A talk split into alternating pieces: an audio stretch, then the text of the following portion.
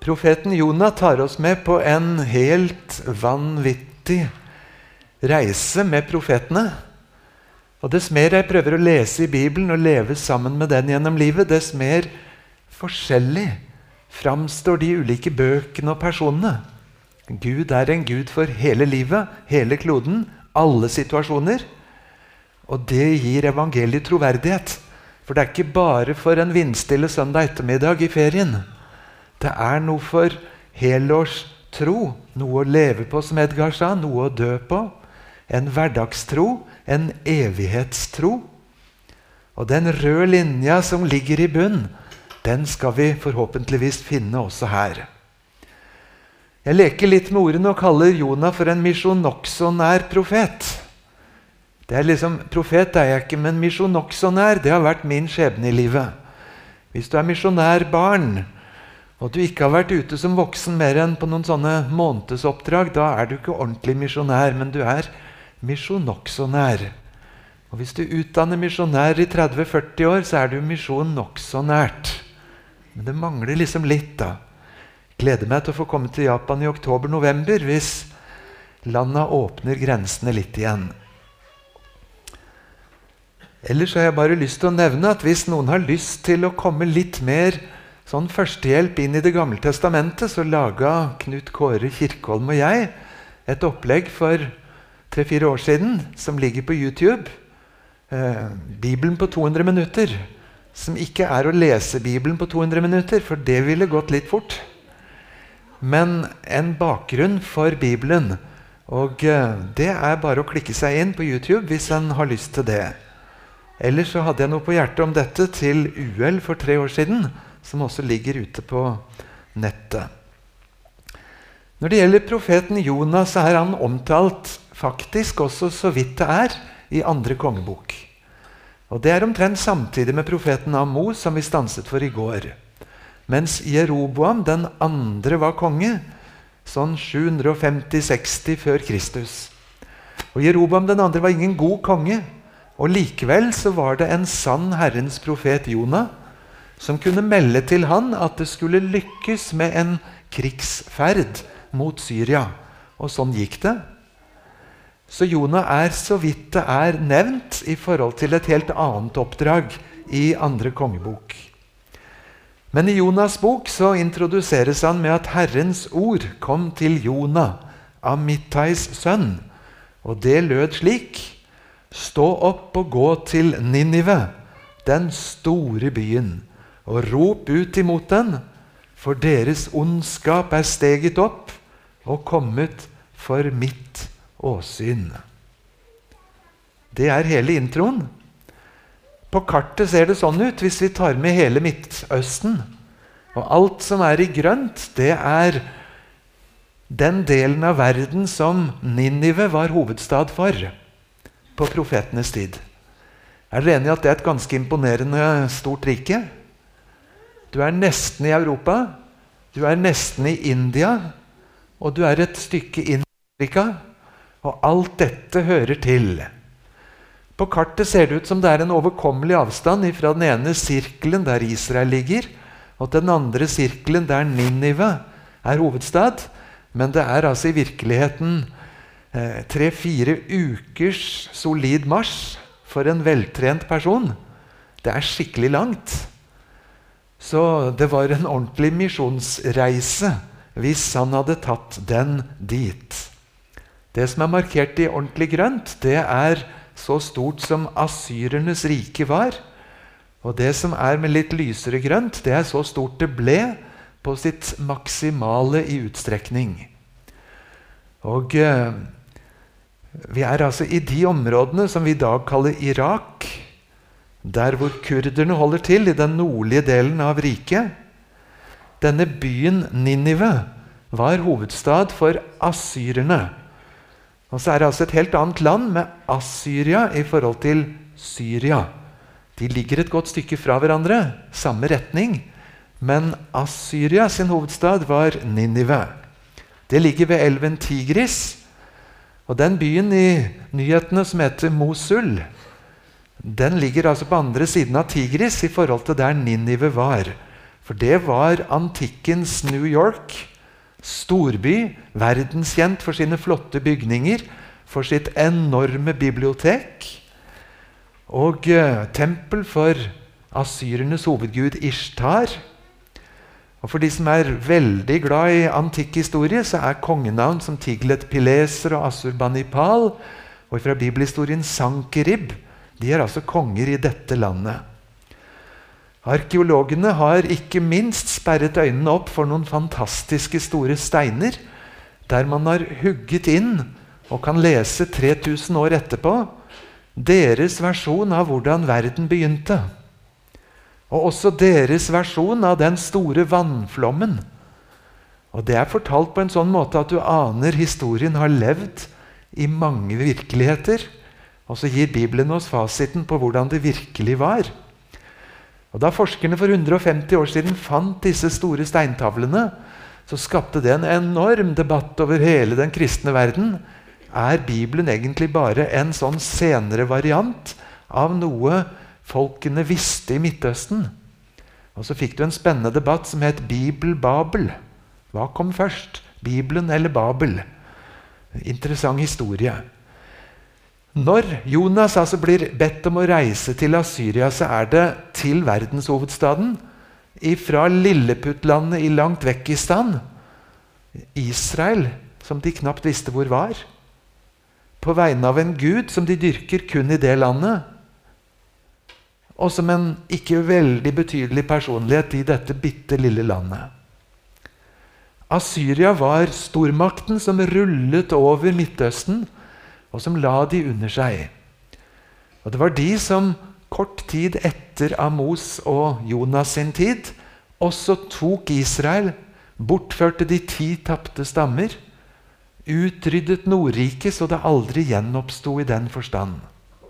Det er en erkefiende det er en superimperialistisk kolonimakt som ruller over motstanderne, og som pålegger dem skatter hvert eneste år, så det knapt er mulig å overleve i provinsene. Dit skal lille Jonah reise fra lille Israel for å forkynne en dom fra Israels Gud til denne verdenshovedstaden. Det er litt mot gode odds og gir oss menneskelig sett litt forståelse for at Jonah prøver å flykte. For det var det han gjorde. Men Jonah sto opp for å flykte til Tarsis, bort fra Herrens åsyn. Bibelen kaller ham en flyktning. Å flykte fra Gud, hvor sannsynlig er det at det lykkes? Teksten sier uttrykkelig det var Gud han dypest sett ville flykte fra. Med et misjonærkall, ikke på vei til misjonsmarken, men til først Jaffa, og så med et skip som skulle til Tarsis. Han betaler greit for reisen, gikk om bord for å reise med dem til Tarsis Bort fra Herrens åsyn, står det en gang til. Bort fra Herrens åsyn. Jeg vet ikke om det er noen flyktninger på Kvitsund som har flykta hit for å komme bort fra Herrens åsyn. Jeg håper det var et dårlig valg å komme hit hvis det var bort du skulle. Men du skal ikke bort. Herren tar imot flyktninger fremdeles. Vi vet rett og slett ikke hvor denne byen Tarsis lå. At det var noe med det vi kaller Spania, det er ganske sikkert. Men om det var en øy, eller om et sted på kysten. Om det var Mallorca eller Minorca, eller om det var Malaga, det vet vi ikke sikkert. Men det er et bokstavrim på Misjonsmarken eller Mallorca. Det vekker kanskje noen assosiasjoner hos oss. På flukt bort fra Herren ikke til misjon. Jeg vil til Mallorca. Jeg har en gang eller to i livet møtt mennesker som har fortalt meg at de hadde et kall til misjon som de ikke fulgte. Og så lyktes de veldig godt. De ble meget velstående og respektert. Men de bar en smerte som de viste meg tillit nok til å dele med meg. Og de fortalte litt om de kampene og smerten. Og i hvert fall så fikk jeg med meg konklusjonen Følg Herrens vei, ikke i trass mot Gud. Kallets pris. Jeg er av dem som sparte lenge til ny sykkel som barn. Og så kom det en rik fadder og hjalp meg. Mens jeg sparte, så husker jeg på søndagsskolen så fortalte de om en gutt i Norge som også sparte til sykkel. Han hadde to sparebøsser, for han hadde gode, fromme foreldre som sa når du putter noe på sparebøssa di, så skal du også putte like mye på misjonsbøssa. Og Så ble det litt sånn kjent dette her at han sparte til sykkel. Kanskje han fridde litt til andre onkler som kunne bistå litt. Var det noen som spurte han, har du fått deg ny sykkel nå. Og så svarte han jeg hadde hatt ny sykkel for lenge sida hvis det ikke hadde vært for de der hedningene, sa han. Kanskje er vi på Jonas sitt sinnelag omtrent da.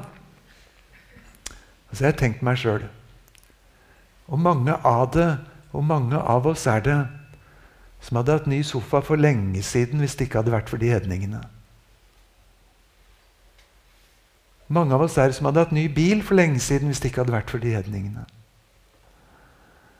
Jeg vet ikke hvilke konkrete ting vi kan si, men det, det hører noe med å sette noen andre før meg selv. Da blir noe av mitt stående litt bak. Og det kan være med en snev av smerte og ergrelse. Hvem trenger det best? Jeg eller de? Å ha det med inn for Gud. Jonah han ble en båtflyktning i Middelhavet. Har dere hørt noe om det før? En flyktning som vil ha båtskyss litt tilfeldig utover Middelhavet, for han vil til Europa. Bibelen er ganske aktuell. Denne er på flukt fra Gud, fra Guds folk, fra Guds oppdrag, til et eller annet som kjentes mer bekvemt. De som i dag er flyktninger i Middelhavet, har det på helt annet vis. Men der møter vi en båtflyktning i Middelhavet. Tenk på det neste nyhetssending du hører noe om det. Hva skulle Jonah forkynne? Ja, Det er jo en av de store overraskelsene i denne boka. For vi får i grunnen ikke mer enn ekstremt korte referat av talene. Stå opp og gå til Ninive, den store byen, og rop ut imot den. For deres ondskap er steget opp og kommet for mitt åsyn.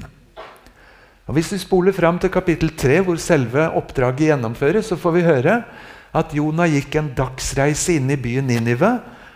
Og så ropte han om 40 dager skal Ninive bli ødelagt.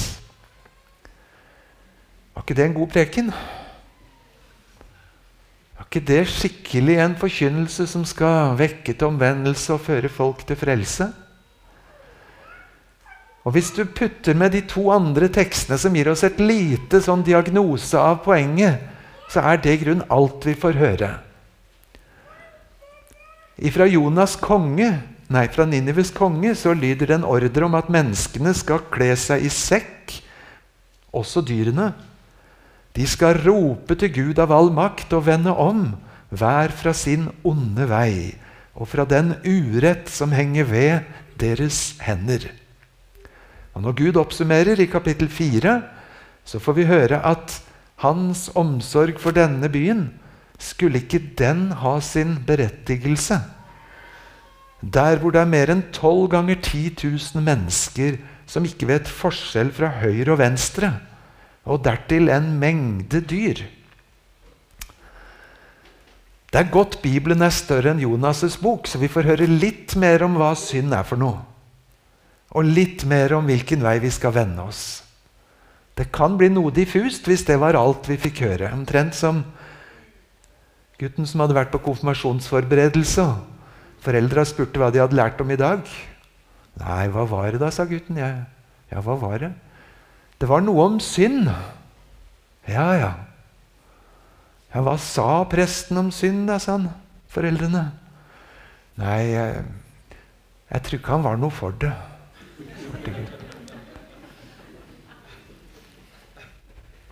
Det er rett så langt det bærer, men vi trenger litt mer, gjør vi ikke det? For å nå samvittigheten oss, hva er det Gud vil, hva er det Gud ikke vil, hva er godt for livet, og hva er ikke bra? Og så har Bibelen mer å si, men i Jonaboken er det nesten så kortfattet. Derimot får vi noen ganske spennende glimt av religiøsiteten til disse sjøfolka. For når bølgene kommer, når Herren sender en sterk vind utover havet, da ble det stor storm på havet. Skipet holdt på å bli knust. Sjømennene ble redde. Hva gjør de da? De ropte hver på sin gud. Og For å lette skipet kasta de lasten ut i havet. Men Jonah, hvor er han? Han hadde gått ned i skipets nederste rom og lå i dyp søvn. Skipsføreren gikk da til ham og sa, 'Hvordan kan du sove så fast?' 'Stå opp og rop til din Gud. Kanskje vil han tenke på oss, så vi ikke går under.' Vi vet ikke hvilken Gud som kan hjelpe, så vi får helgardere. Hvis alle roper til hver sin Gud, så er det kanskje én av de som klarer å moderere bølgene litt. Og når de finner én som ikke stiller på bønnemøtet, så leter de ham opp nede i den innvendige lugar helt nederste dekk. Jonalugaren. Der ligger han og sover. Misjonæren som skulle forkynne håp for Ninive, og som skulle være Guds representant i en båt med sjøfolk som går under. Hvor er han? Høsten er stor, arbeiderne er få, de som er, sover. Er det diagnosen på båten om bord? Helgardere rop hver til sin Gud. Jeg vet ikke så mye om healing. De få gangene jeg har blitt bedt om å prøve noen healere som folk har spurt etter til Fjellhaug, så har jeg googla litt og ser hvem ber de til. Ber de til Gud? Ja. Til Jesus? Ja. Til Javé? Ja. Til Elohim? Ja. De har alle Guds navn som er i bruk i Det gamle testamentet på hebraisk, med. Er ikke det fint? Ja, problemet er at listen fortsetter. Og så er du innom alle de andre kjente religionene. Og så helgarderer du kanskje en av dem vi nå kalte på, eller summen av dem, kan hjelpe oss. Er det sånn vi ber til Gud? Det sitter enda som et støkk i ryggmargen på meg at selveste paven i Rom for 30-40 år siden kalte sammen til et stort bønnemøte for verdensfreden i Assisi i Italia. Og så skulle alle slags representanter for alle religioner møtes og ber til hver sin gud om fred på jorden. Er det en bibelsk måte å tenke om bønn på? Vi må raske sammen litt, så et eller annet sted er det kanskje en løsning. Det er ikke Bibelens verden med det første bud. Det var ikke sånn Elias gjorde på Karmel. Vi har hatt tre og et halvt års tørke. Skal vi få klimaendringer, så må vi be. Kan ikke Bals profeter mobilisere flest mulig, og så ber vi en eller annen Gud hjelper oss sikkert å få regn. Var det sånn? Det var ikke det. Det var den ene mot de andre. Og så ba de. Vet du hvordan bønneliv kan se ut i Japan, der jeg ble født og vokste opp? Der ser det veldig ofte sånn ut utenfor et tempel. Litt uhøytidelig sagt så ser det ut som klessnorer og klesklyper. Men det som henger til tørk, det er altså bønner som de som kommer til tempelet, har kjøpt for en liten betaling i kiosken. Ettersom du ber om helse eller økonomi, familie eller kjæreste, verdensfred eller å komme inn på et studie, så kjøper du en bønn, går inn i tempelet, bøyer deg, Setter kanskje mobilen på lydløs, bøyer deg en gang til, leser lappen. Tar med deg lappen og henger den der, så får den henge en uke eller en måned. Til prestene tar den ned for å få plass til andre. Så blir det kanskje hørt. Er det et bønneliv? Et annet monument over bønn som jeg syns er helt grufullt å se. Det er disse to vakre hendene, hogd ut i granitt, bare noen hundre meter fra Bibel- og forstanderskolen som vi får være med å drive i Kobe i Japan. På et stor gravlund med mange slags monumenter så er dette den største og mest ruvende. Og jeg tenkte her har noen kristne gravlagt sine og rekker hendene mot himmelen. Men så fikk jeg hjelp av noen som kunne tolke det bedre enn meg. Det var ikke en kristengrav. Det var ikke tomme hender rettet imot Bibelens Gud. Men det var to hjelpeløse hender som famler ut i det svarte mørket. Er det noen der? Er det noen som kan ta seg av våre døde, som vil steder til hvile her? Hva ville du ha sagt til dem som står ved et sånt gravested? Du hadde hatt noe å si om Jesus, om å folde hendene, om korset, om en levende Gud. Om syndenes forlatelse og det evige liv, legemets oppstandelse og en evig Gud. Ja, men så reis og si det til dem, for de fortsetter å stå der. Og Kan du ikke dra, så få noen til å dra som din stedfortreder så menneskene ikke skal rekke hjelpeløse hender ute i det svarte rom. For det finnes en som kan høre, som kan lede. Jonas svarer, 'Jeg er en hebreer. Jeg dyrker Herren himmelens Gud.' Og så kommer skapertroen. Han som skapte hav og det tørre land. Og så skjer det noe flott. Da ble sjømennene grepet av stor redsel. Hva er det du har gjort? For de visste han hadde flyktet bort fra denne Gud, Herren, sitt åsyn. Og når de tenker seg om og spør Jonah hva skal vi gjøre for å få orden på sjøen og havet og vår egen overlevelse, så sier Jonah 'kast meg på sjøen, for det er for min skyld'. Og før sjømennene tør å kaste Jonah på havet, så roper de til Herren, Javé, og sier, 'Herre, la ikke oss gå under fordi denne mannen skal dø.' 'La ikke uskyldig blod komme over oss.' 'Du, Herre, har gjort som du ville.' Var ikke det en sterk trosbekjennelse? Så tok de Jonah, kastet ham i havet, og da holdt havet opp å rase. Mennene ble grepet av stor frykt for Herren, og de bar fram offer for Herren og så ga de løfter. Er ikke det flott? Så langt det rekker. Og så er det mange som har fått Guds hjelp.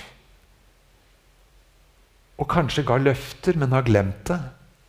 En gang kom det ti spedalske til Jesus, og alle ti fikk helse. Men bare én kom tilbake og fikk frelse.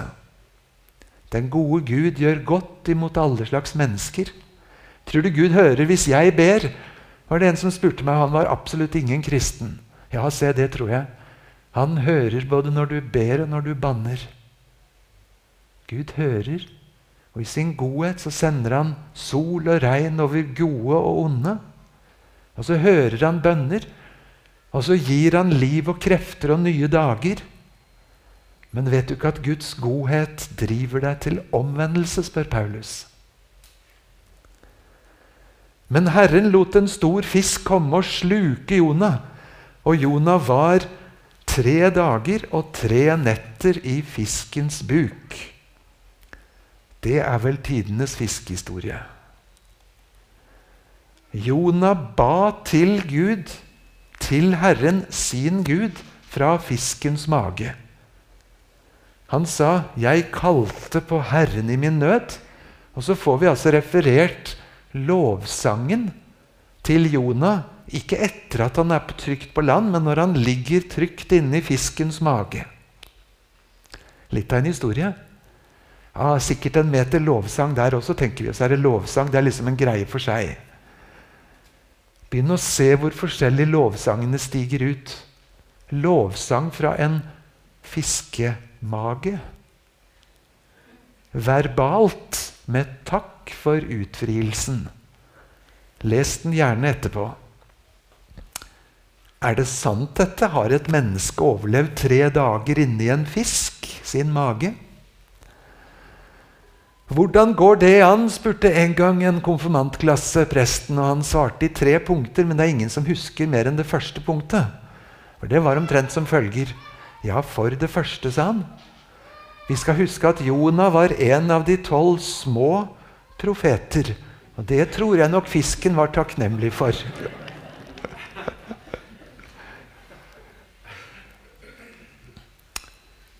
Størrelsen har liksom ikke så mye å si med allmaktens Gud. Han fikser det, og han fikser oksygentilførsel og næring og alt som skal til. Det ser i hvert fall ut til at Jesus har lest dette som en virkelig historie.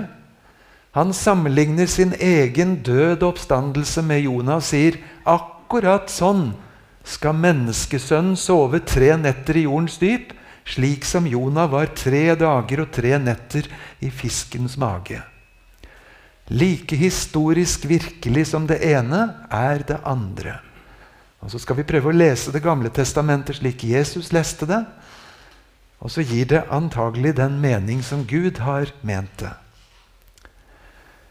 Herrens ord kom til Jonah for andre gang, og det lød slik. Det syns jeg er et evangelium for andre gang til den ulydige. Gud skrota ikke Jonah og sa du misbrukte sjansen din.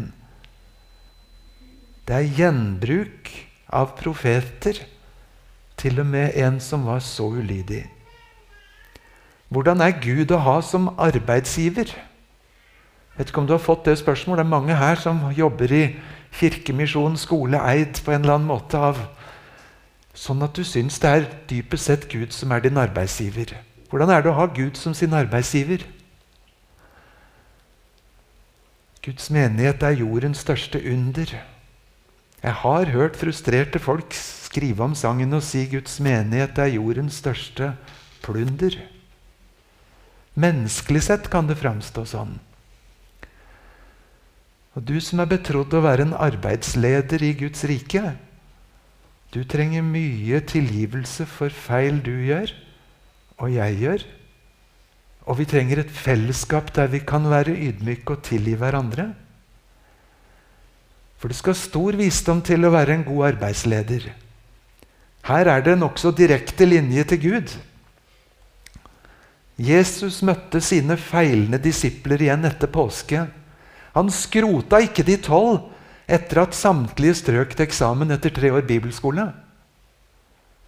Han hentet dem opp igjen én for én. Satte dem inn igjen i kallet før han for opp til himmelen. Men det ligger også et alvor i at noen faktisk ble forkastet av Gud. Det står det om kong Saul. Fordi du har forkastet Herren, så forkaster Herren nå deg. Og så får vi begrepet 'vraket sølv'. Slik Asbjørn Aavik skrev en fantastisk bok for lenge siden om alvoret med å stå Gud imot. Uttrykket 'vraket sølv' det er fra Jeremia 6, vers 30. Men Herrens ord kom altså til Jonah for andre gang, og nå er han lydig. Så dro han dit. Han gikk til Ninive. Tre dagsreiser lang var byen. Han gikk en dagsreise inn i byen og ropte om 40 dager skal Ninive bli ødelagt. Det er jo virkelig en kort preken. Han har kanskje sagt mer, men det er alt vi får høre av et referat.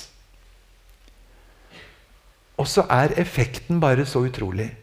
Da trodde folket i Ninive på Gud. Og det var ikke bare sånn en følelse. Men de ropte ut en faste. De kledde seg i sekk, både små og store. Og da saken kom Ninives konge for øre, sto han opp fra sin trone, la kappen av seg, svøpte seg i sekk, satte seg i støvet og han lot rope ut til Ninive. Etter påbud av kongen og hans stormenn skal verken mennesker eller dyr, storfe eller småfe spise noen ting, ikke smake mat, ikke drikke vann, men svøpe seg i sekk, både mennesker og dyr. De skal rope til Gud av all makt, og så skal de vende om. Kongelig forordning om omvendelse, rett og slett. Hver fra sin onde vei og fra den urett som henger ved deres hender. For hvem vet? Gud kunne da vende om og angre det. Han kunne vende om fra sin brennende vrede, så vi ikke går til grunne.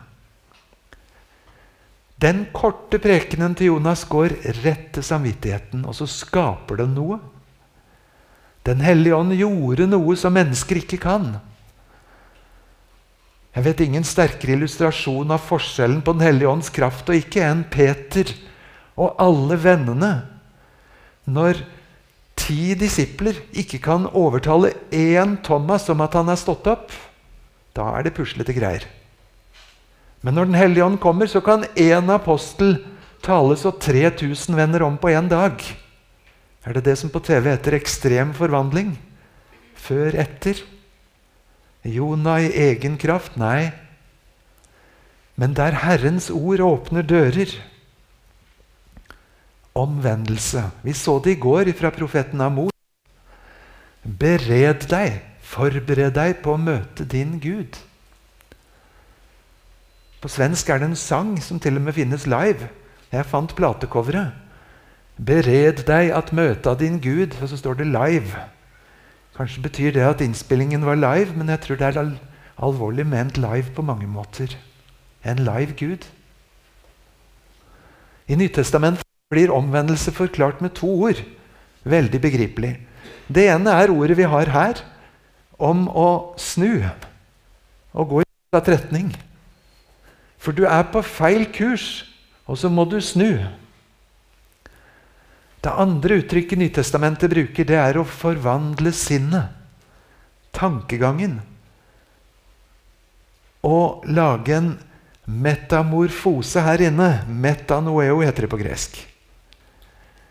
Enkelt sagt på dataspråk, det betyr at du ikke har Jesus som en liten app som du laster ned og har oppi et hjørne sånn for påkommende tilfeller. Omvende seg til Gud er ikke å laste ned en app til hjelp i spesielle situasjoner, det er full formatering. Det er et helt nytt operativsystem. Ut med alt! Begynn på scratch. Omvendelse går dypere enn fasade. Dypere enn sminken kan. Den går til hjertet.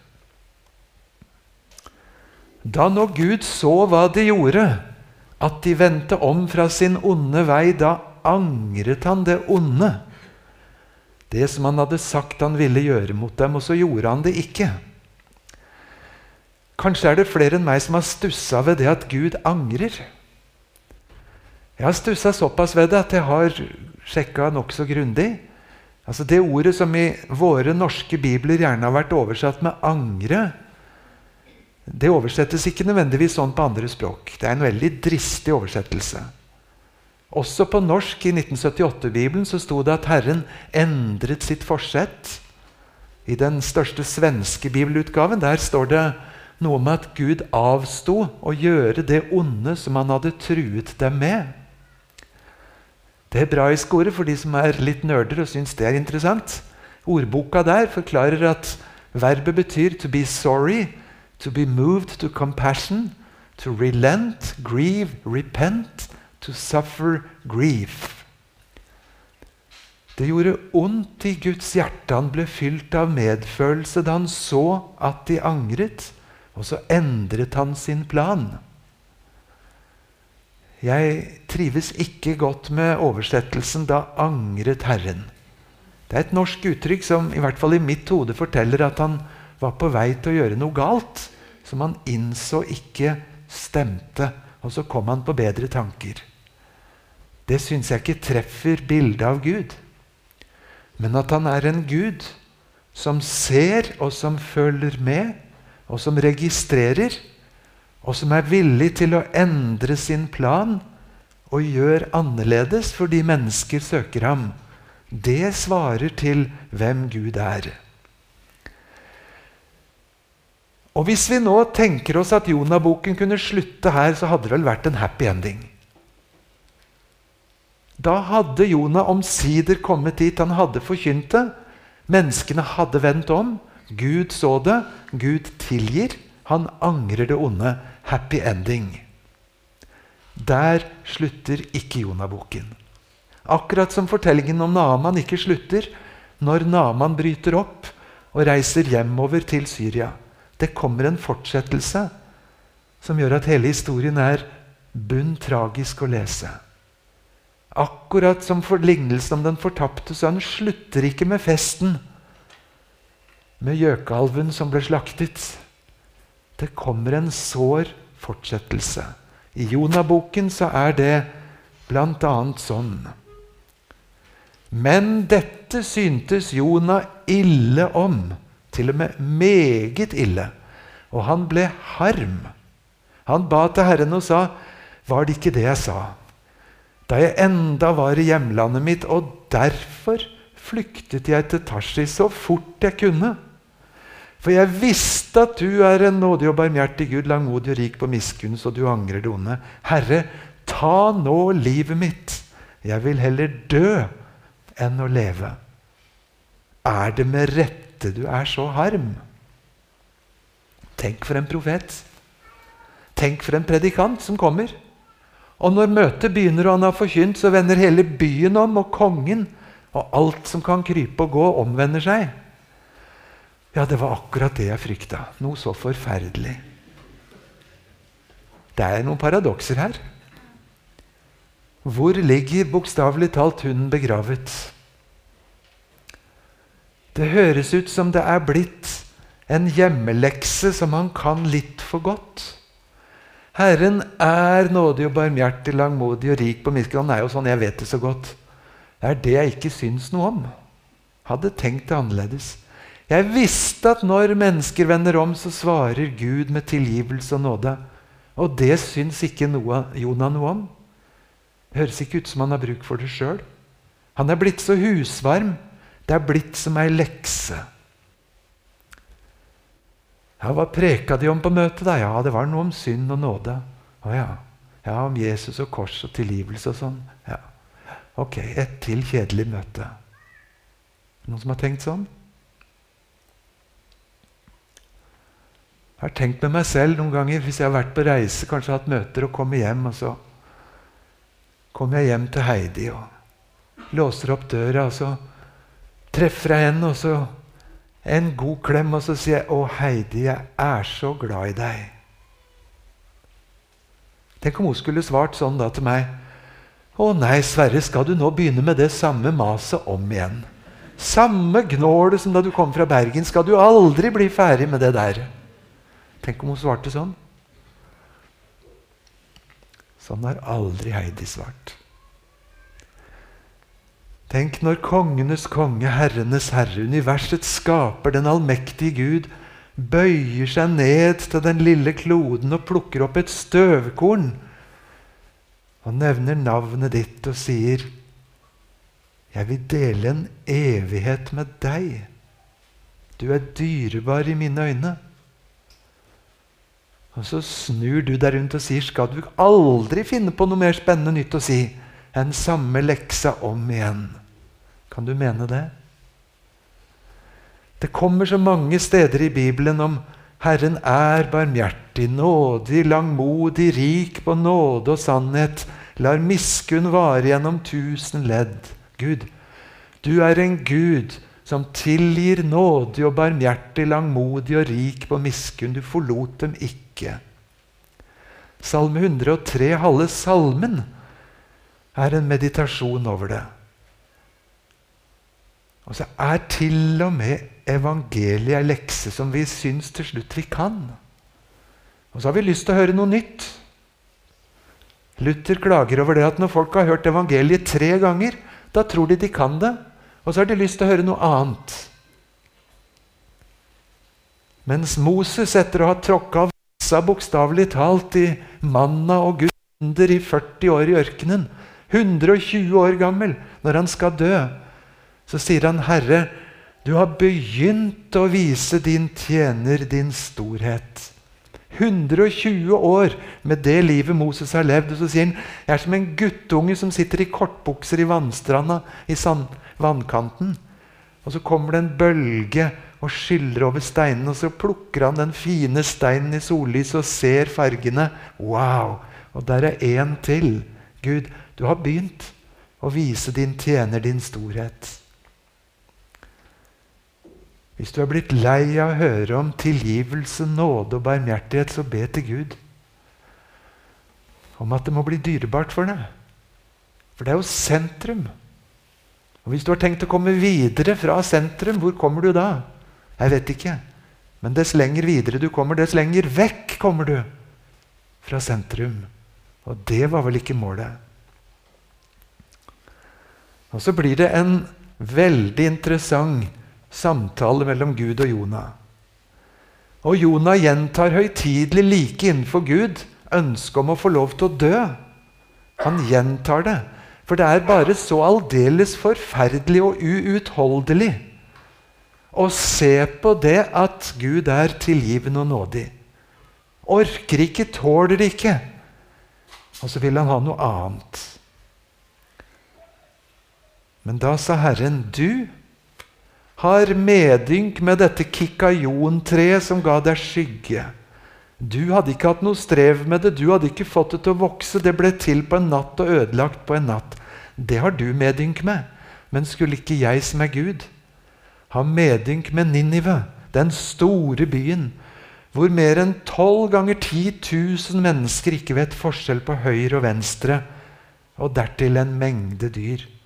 Ser du forskjellen på hva du er opptatt av, Jonah, og hva Gud er opptatt av? Jeg har funnet fire ting i Bibelen som Gud samler på. Kjekt å ha. Hva samler Gud på? Han samler på navn i livets bok. Ditt og mitt navn. Det syns Gud er verdt å samle på. Og så samler han på hårstråene våre, gjør han ikke det? Hvert hår på hodet er talt. Og så samler han på tårene våre. Det står i Salme 56, vers 9. David sier, 'Hvor mange ganger jeg har flyktet, det vet du.' Og mine tårer er gjemt i din flaske. Tenk på hva Guds flaskesamling inneholder. Edle dråper.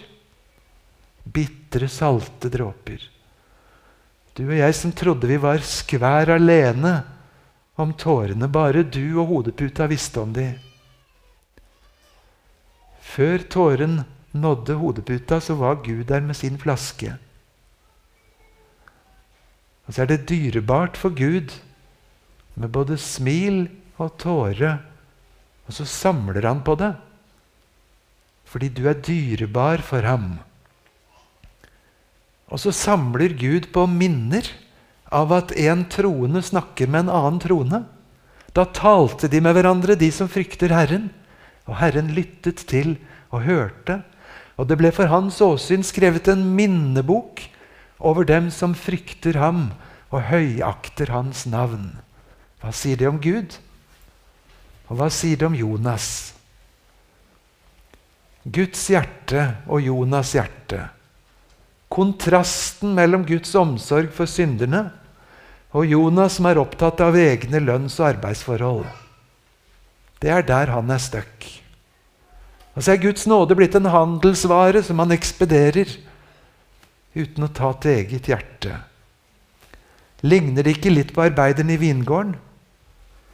De som blir sure og misunnelige fordi noen som hadde gått arbeidsledig hele dagen, fikk full lønn for å jobbe bare kortere tariff enn dem. Eller kanskje som den sure storebroren som gikk utenfor i mørket og ikke ville være med når far holdt fest for lillebroren som hadde vendt om og kom hjem. Ser du likheten med Jonah? Det er ikke bare lett å snakke om det, for hvem av de to sønnene ligner jeg mest på? Det tror jeg har spurt meg om fra jeg var søndagsskolegutt. Og De gangene jeg har vært litt ærlig, så kjenner jeg på at jeg ligner kanskje altfor mye på begge to. Da har det blitt et evangelium for meg, det som står i Lukas 15, 28. Da faren gikk ut og talte vennlig til ham. Far forlot festen og gikk ut i mørket for å finne en sur storebror som går og surrer ute i mørket og ikke er i familiefesten. Far gikk ikke for å gi han en skjennepreken og sette skapet på plass. Far gikk ut og talte vennlig til ham, for far var far til begge to. Far ville at både den sure storebroren og den rotete lillebroren skulle være med i festen. Så skal vi som Guds folk ikke misunne hverandre, de som har vært her alltid, eller de som kom inn siden og har nyfrelstgleden som jeg kanskje ikke kjenner. For far vil være far for dem begge. Ganske mot slutten. I Luthers bibel så fikk han laga mange tegninger. Denne kom ikke med der, men den er fra Luthers samtid. Det er malt lignelsen om arbeideren i vingården. Og Her er historien rett og slett sånn at du kan kjenne igjen ansiktene hvis vi hadde et godt bilde her. Inne i vingården så ser du trofast Martin Luther og Philip Melankton og Johannes Bogenhagen som går og gjør trofast arbeid i vingården. Men hvem er de sure, rødkledde herrene til venstre foran i bildet, som bare står og krangler om lønns- og arbeidsforhold? Jo, de har pavehatt og kardinalhatt, erkebispehatt. Det er det katolske hierarkiet. De er på utsiden. Det var deres fokus. Det er ganske sterk agitasjon i noe sånt. Men noen var innenfor, og noen var utenfor i denne. Men jeg har lyst til veldig kort å bare understreke det vi så to steder her. Så du at Gud har også? Dyrene er også spesielt nevnt. Derfor vil Gud berge byen. Og la du merke til at til og med dyra, husdyra, skulle pent kles i sekk og aske. Og de skulle underlegges så streng faste at ikke de fikk lov til å beite. Dyrene spiller en veldig spesiell rolle i denne boka. Gud har omsorg for hele skaperverket. Det er det lov til å si også i en bibeltime i Misjonssambandet, hvor vi snakker om synd og nåde. For Gud selv taler i sitt ord om omsorgen for hele skaperverket. Har du lagt merke til at helligdagsbudet også gjelder trekkdyra? Den sjuende dagen skal du hvile for at oksen og eselet kan få ro. Og dessuten slavekvinnens sønn og innflytteren også kan få puste ut. Og Blant de mange merkelige lovene i Moseloven så står det også om hvis du skal fange egg og kommer over et reir, så får du lov til å høste av fugleungene, men la moren fly, ikke omvendt. La ikke et lite kull med nyklekte fugleunger ligge og sulte i hjel der. Guds omsorg for selv dyrene. Helt til slutt en hedning. Dette er Olaf Lie, Kinamisjonær, sin definisjon i Utsyn i 1924. En hedning er et menneske som uten sin vilje og uten sitt ønske er satt utenfor det frelsende gudskunnskap, og som pga. fødsel, oppdragelse og levekår er uten Gud og uten håp i verden. Det syns jeg gjør vondt å lese. Uten Gud, uten håp. Ei som gikk på Fjellhaug for lenge siden, hun skrev til oss i et jubileumsblad. Fjellhaug ga meg en smerte som jeg aldri blir kvitt. At alle jeg kjenner, og de jeg ikke kjenner, de har samme rett til å eie Guds fred som jeg. Jeg står i gjeld, sa Paulus, for hedningene er medarvinger. Og så står jeg i en større sammenheng. Og så kan du snurre på globusen i dag, og så er det fortsatt hundrevis av millioner mennesker som aldri første gang har hørt rykte om Jesus. Det kan vi gjøre noe med. Det må vi gjøre noe med.